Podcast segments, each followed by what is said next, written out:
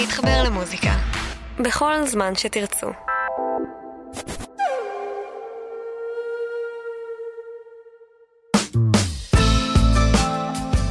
היי, כאן מאיה קוסובר, אתם מאזינים לשיר אחד, והפעם, הסיפור האמיתי מאחורי שיר אהבה אינדיאני של עלמה זוהר, או בשמו עממי, מיגל.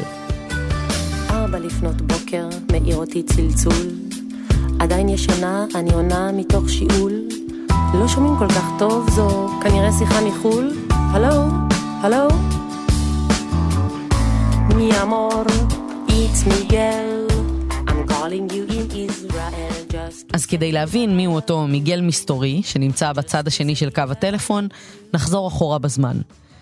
בשנת 2002, עלמה זוהר עדיין לא הייתה זמרת, למעשה היה לה מקצוע אחר לגמרי. בעצם הייתי נגרית, הייתי נשואה, בהתחלה זה היה הרפתקה אדירה להתחתן בגיל 20, לעלות ל- להרים, להקים נגרייה מאפס, וכאילו לדהור על טנדר, לבושה באוברול אה, מוכתם. אבל כשזה הפסיק להיות הרפתקה ו- ונהיה שגרה, זה התחיל להעיק עליי, ו- ותחושה גדולה של פספוס, וכל החבר'ה כבר חזרו מהטיול הגדול והתחילו ללמוד, ואני מה איתי, מה קורה איתי, מחפשת את עצמי כזה. ובאיזשהו שלב, אז זאת אומרת, התפרקו הנישואים שלי, היא עזבה את הבית, הבעל והעסק, השאירה הכל מאחור. חזרה לירושלים, הורידה הגיטרה הישנה מהבוידם בבית של ההורים, והתחילה לנגן. יצאתי לעולם בגיל 25 בלי איזשהו כיוון, אבל עם ערימה נורא גדולה של דברים שרציתי לעשות, ולא עשיתי כי התחתנתי בת 20, ובין הדברים האלה, זאת אומרת, אחד מהאבים שהיו לי זה היה לנסוע לאפריקה, זה היה טיול אחרי צבא שלא עשיתי. השנה כבר 2005, ועלמה שומעת במקרה על פסטיבל גדול לציון 60 שנה להולדת בוב מרלי, שעומד להתקיים במרכז אדיס אבבה. הכל מתחבר לבול, החלום הישן והרגעי, ותוך שבוע היא שם במופע ענק. שהגיעו אליו כל משפחת מרלי ואומני רגע בינלאומיים, ולורן היל הייתה שם. זה היה אירוע מטורף.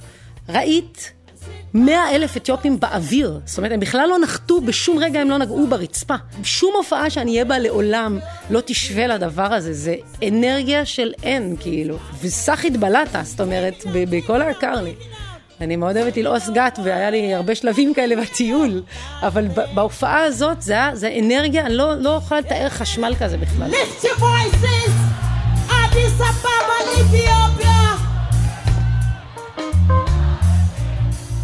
Want for כשנגמר הפסטיבל, היא החליטה להמשיך לטייל באתיופיה, אבל לא לגמרי לבד, יחד עם ילד בן עשר שהיה הגייד שלי, הוא היה הבבה.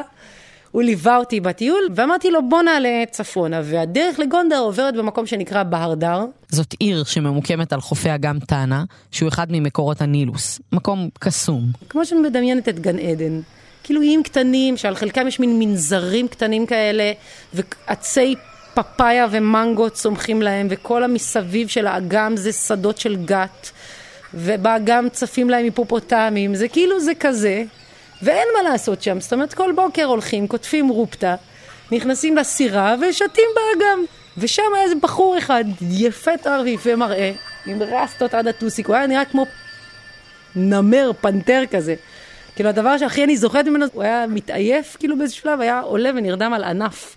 עלמה והבחור מחליפים מבטים. זאת עיר קטנה והם נפגשים בכל פינה. והסתבר שמאחורי הקלעים הוא כל הזמן אמר לילד הזה שהיה איתי, תציג אותי, ת- זה, והילד לא רצה. הוא ידע שבשנייה שהוא יציג אותו, הלך לו ה... הלכה לו התיירת.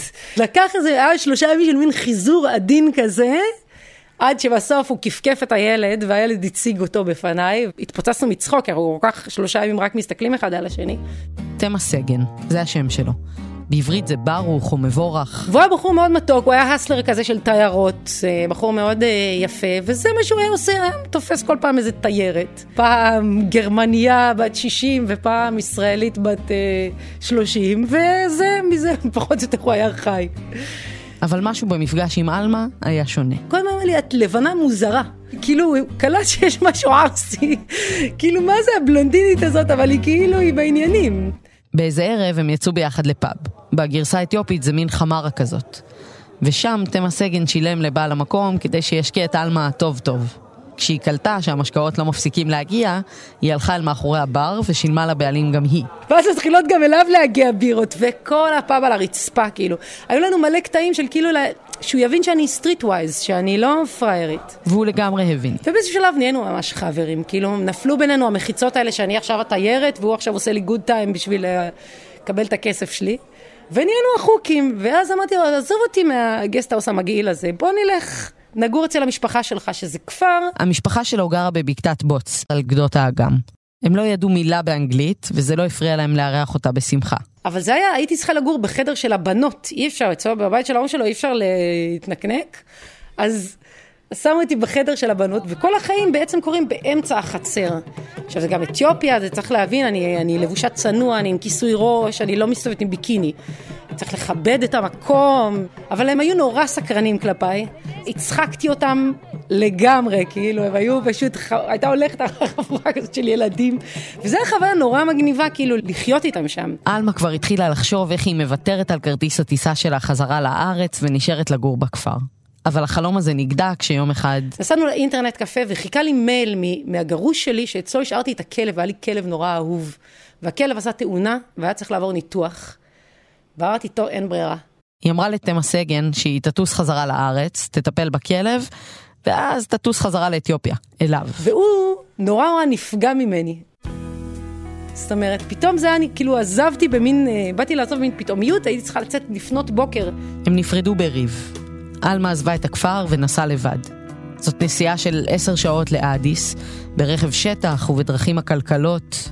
ונסעתי כזה עם, עם לב נורא חצוי, וכשהגעתי, איך שהגעתי לאדיס, היה לי אולי עוד איזה 24 שעות להיות באדיס, כתבתי לו מייל. ובזמן הזה ממש, מבלי שעלמה ידע, הבחור עשה את כל הדרך מהכפר לאדיס כדי להתפייס איתה. כאילו הלכתי ברחוב, הלב שלי היה כבד על איך שנפרדתי ממנו וזה, ואתה דפק לי על הכתף, ווואו! הוא כאילו נסע כל הלילה כדי להספיק להיות איתי ביום האחרון, זה היה אולי הג'סטה הכי רומנטית שמישהו עשה בשבילי בחיים. היא חזרה לארץ וטיפלה בכלב שלה. זה לקח זמן עד שהוא החלים וחזר לעצמו, והיא נשאבה לתוך הישראליות ולשגרת החיים. ופתאום, ממרחק, זה כבר לא הרגיש נכון או הגיוני לחזור לאתיופיה. אז הם שמרו על קשר, התכתבו. בהתחלה היו עשרה מיילים ביום. ואז העשרה מיילים נהיים שלושה מיילים, ואז. מה שקרה במקביל זה שהייתה סוג של הפיכה באתיופיה. ובעצם מה שקרה זה שמפלגת השלטון הפסידה את הבחירות, אבל לא הסכימה לשחרר את השלטון. ובלילה אחד המדינה הפכה מדמוקרטיה לסוג של דיקטטורה. והתחילו המון מעצרים של חבר'ה צעירים, כל מיני גיוסים לצבא, הייתה שם איזה מין תנועה לא טובה כזאת, והוא החליט לברוח. עלמה עוקבת במפה אחרי מסלול הבריחה שלו. היא דואגת כשהוא נעלם, ונרגעת כשהוא שולח מיילים. עוברות כמעט שנתיים. היא שחררה את הפנטזיה לחזור לאפריקה. יש לה חבר בארץ, בחור בשם שחר, והם גרים ביחד. והבחור הזה, קמא סגן, הוא מתקשר אליי מכל מיני מקומות באפריקה ושולח לי כל מיני מיילים בכל שעות היום והלילה. והחבר שלי סתם מתחיל להשתגע מה... הוא גבר תימני מסורתי ולא מתאים לו עכשיו. עכשיו, בשבילי העובדה שה... שהוא נמצא בצרות, תמא סגן, אז זה, זה בשבילי כאילו איזושהי עילה, לה... אני לא מדברת איתו על רקע רומנטי, אבל כמובן שאני מבסוטה כשהוא התקשר וכאילו... זה התחיל לשבש את החיים בבית, כמו שאומרים. ברגע ההוא, על רקע המריבות שלה ושל שחר, עלמה נוסעת לכליל כדי לשמור על איזה בית. ששייך לאישה מקסימה בשם תרצה, שהיא הייתה המון זמן בשמורות האינדיאנים בדרום אמריקה, וכל הבית שלה מלא בתמונות של אינדיאנים וכל מיני דברים שהיא הביאה משם. ההשראה נחתה עליה, והיא התחילה לכתוב שיר פיוס מצחיק לשחר. וקלטתי שעוד שנייה כל הדברים שלי על המרפסת. אני חושבת שהרבה מאוד שירים טובים נכתבו ברגעים האלה שמישהו היה חייב להציל את הזוגיות שלו. לא יכול להוריד ממך את העיניים של מאיר אריאל, אוקיי? היא הלכה לזרוק אותו והוא היה צריך לעשות משהו. אז זה מין רגע כזה. ונתקלתי בשתי בעיות. אחד זה שאין אף מילה בעברית שמתחרזת עם אתיופי, וב' זה היה נראה לי יותר מצחיק ויותר מרוכך לעשות אותו אינדיאני. ורק אחרי זה קראו לו מיגל, ואז המיגל התחרז עם היזרעאל, ואיכשהו כל הדבר הזה נהיה.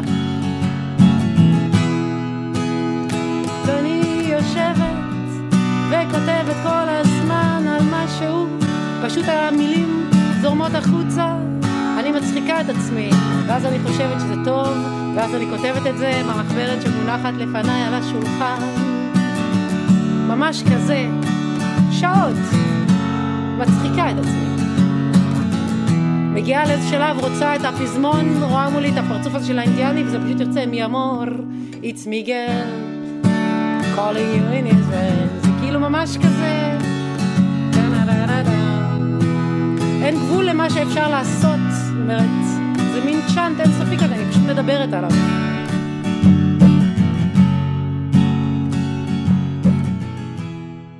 מה הייתה התגובה של שחר כשהוא שמע את השיר פיוס הזה? נשארנו ביחד עוד איזה תקופה. עדיין ישנה, אני עונה מתוך שיעול, לא שומעים כל כך טוב, זו כנראה שיחה מחו"ל. זה לא היה השיר הראשון שעלמה כתבה. היו כל מיני חומרים שהיא אספה לאורך השנים והמסעות, אבל היא לא הייתה זמרת, גם לא בעיני עצמה. איך מכל המסעות האלה ומהכתיבה של השיר בכליל וזה נהיה אלבום? איך, מתי היה הרגע שבו הבנת? אז הרגע שבו הבנתי היה כשביטוח לאומי עיקל לי את חשבון הבנק, וחייתי אה, בלי חשבון בנק כמה שנים, הייתי פושטת רגל. פעם אחת עשיתי איזה עבודה, ונתנו לי צ'ק. אבל בלי חשבון בנק לא היה לאלמה מה לעשות עם הצ'ק הזה. היא חיפשה מישהו שיפקיד לה אותו וייתן לה מזומן. אז היא נתנה אותו לחבר טוב של שחר, שהיה במקרה גם מפיק מוזיקלי, אסי איילון. באותה תקופה הוא עבד עם מוש בן ארי. והצ'ק נבלע אי שם בזה, אלפיים שקל מעולם לא חזרו אליי. ואני קלטתי שיש לי הזדמנות שאין לו מזומן עכשיו להחזיר לי אלפיים שקל, אמרתי, אתה יודע מה עשי? במקום האלפיים שקל בוא תעשה לי שלוש סקיצות אקוסטיות של שירים שלי, רק שירה וגיטרה. אמר לי באלפיים שקל, אמרתי לו, גם סבבה. חברה של חבר, מה? היא נכנסה לאולפן של אסי להקליט את הסקיצות. ישבתי מולו ממש ברעד, והשמעתי לו שלושה שירים, זה היה דה, עם הגב ואגו טרפ. כביש מהיר, הרכב דוהר. ואז הוא אמר לי, אל תלכי לשום מקום, זה מדהים, זה הולך להיות ענק, לכי תארגני כסף ובואי נעשה אלבום. ככה. ואני כאילו, וואו, ואת עובד עם מוש, והוא עשי איילון, וזה וזה וזה, אבל איפה אני אארגן כסף? ואין לי חשבון בנק, כאילו. ואז אימא שלי התערבה בסיפור הזה, אימא שלי נפטרה כמעט עשר שנים לפני כן, ולקח הרבה מאוד זמן, קיבלתי איזושהי ירושה. ממש, זה נחת בגלנג. היא עבדה יחד עם אסי איילון על האלבום, ושיר אהבה אינדיאני בכלל לא היה אמור להיות חלק ממנו.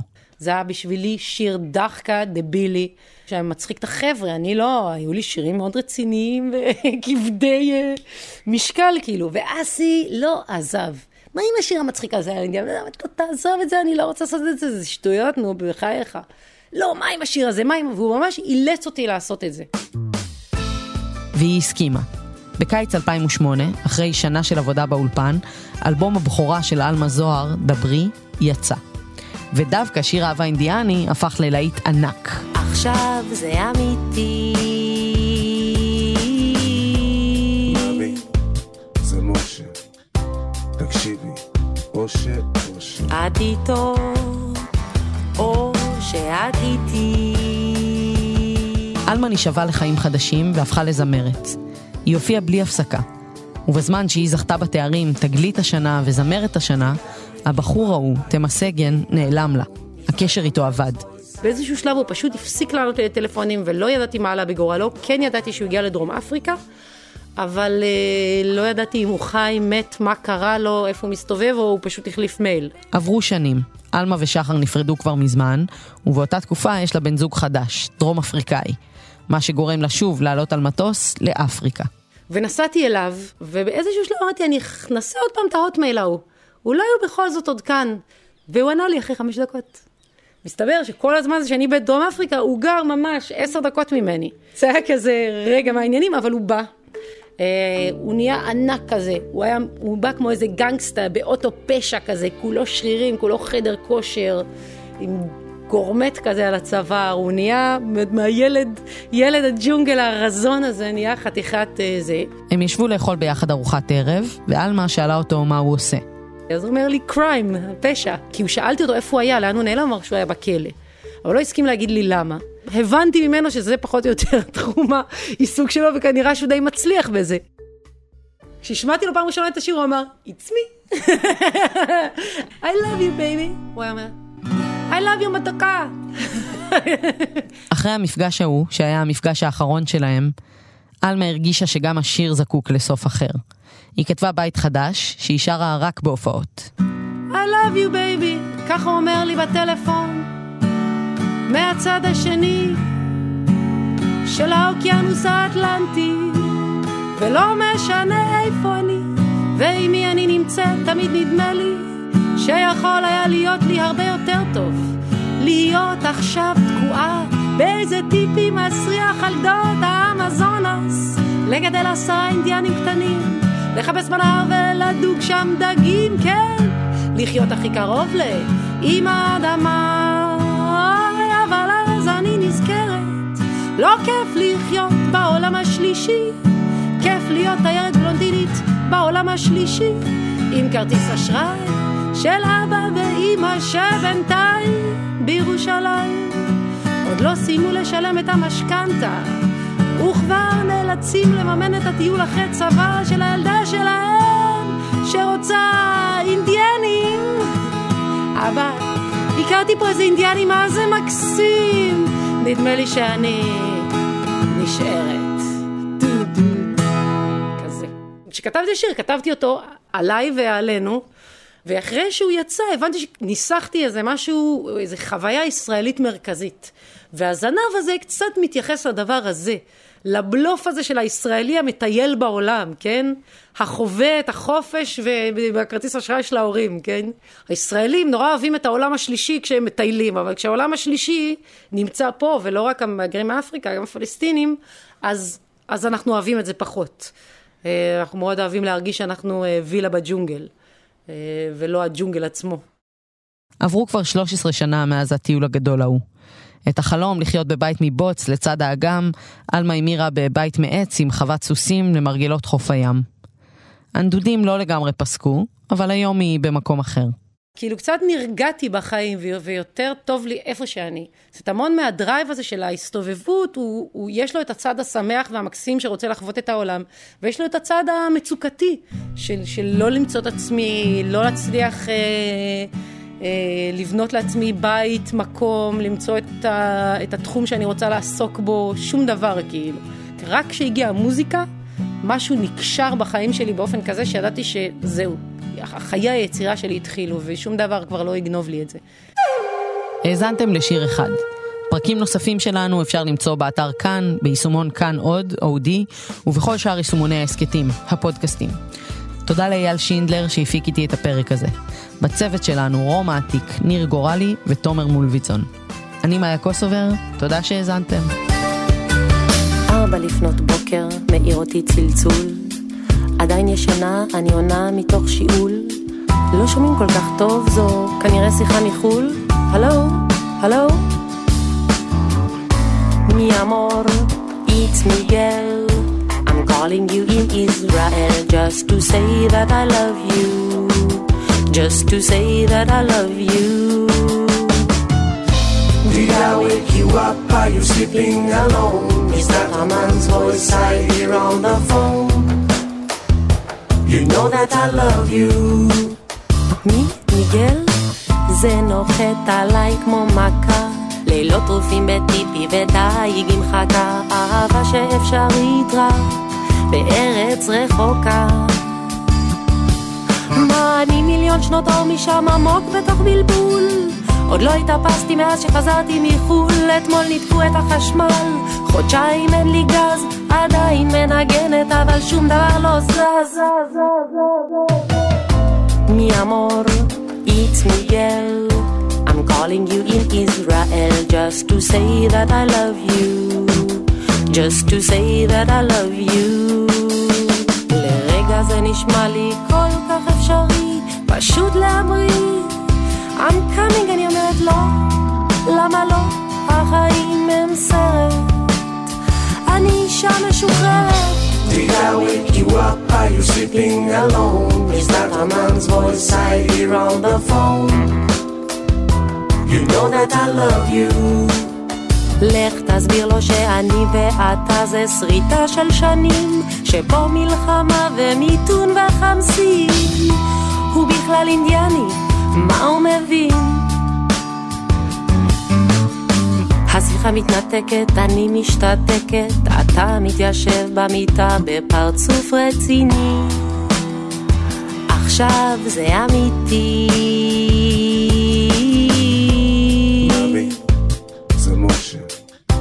תקשיבי, אושר, אושר. את איתו, או שאת איתי.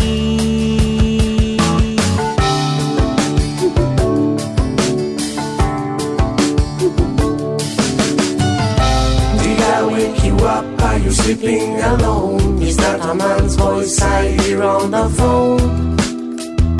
You know that I love you.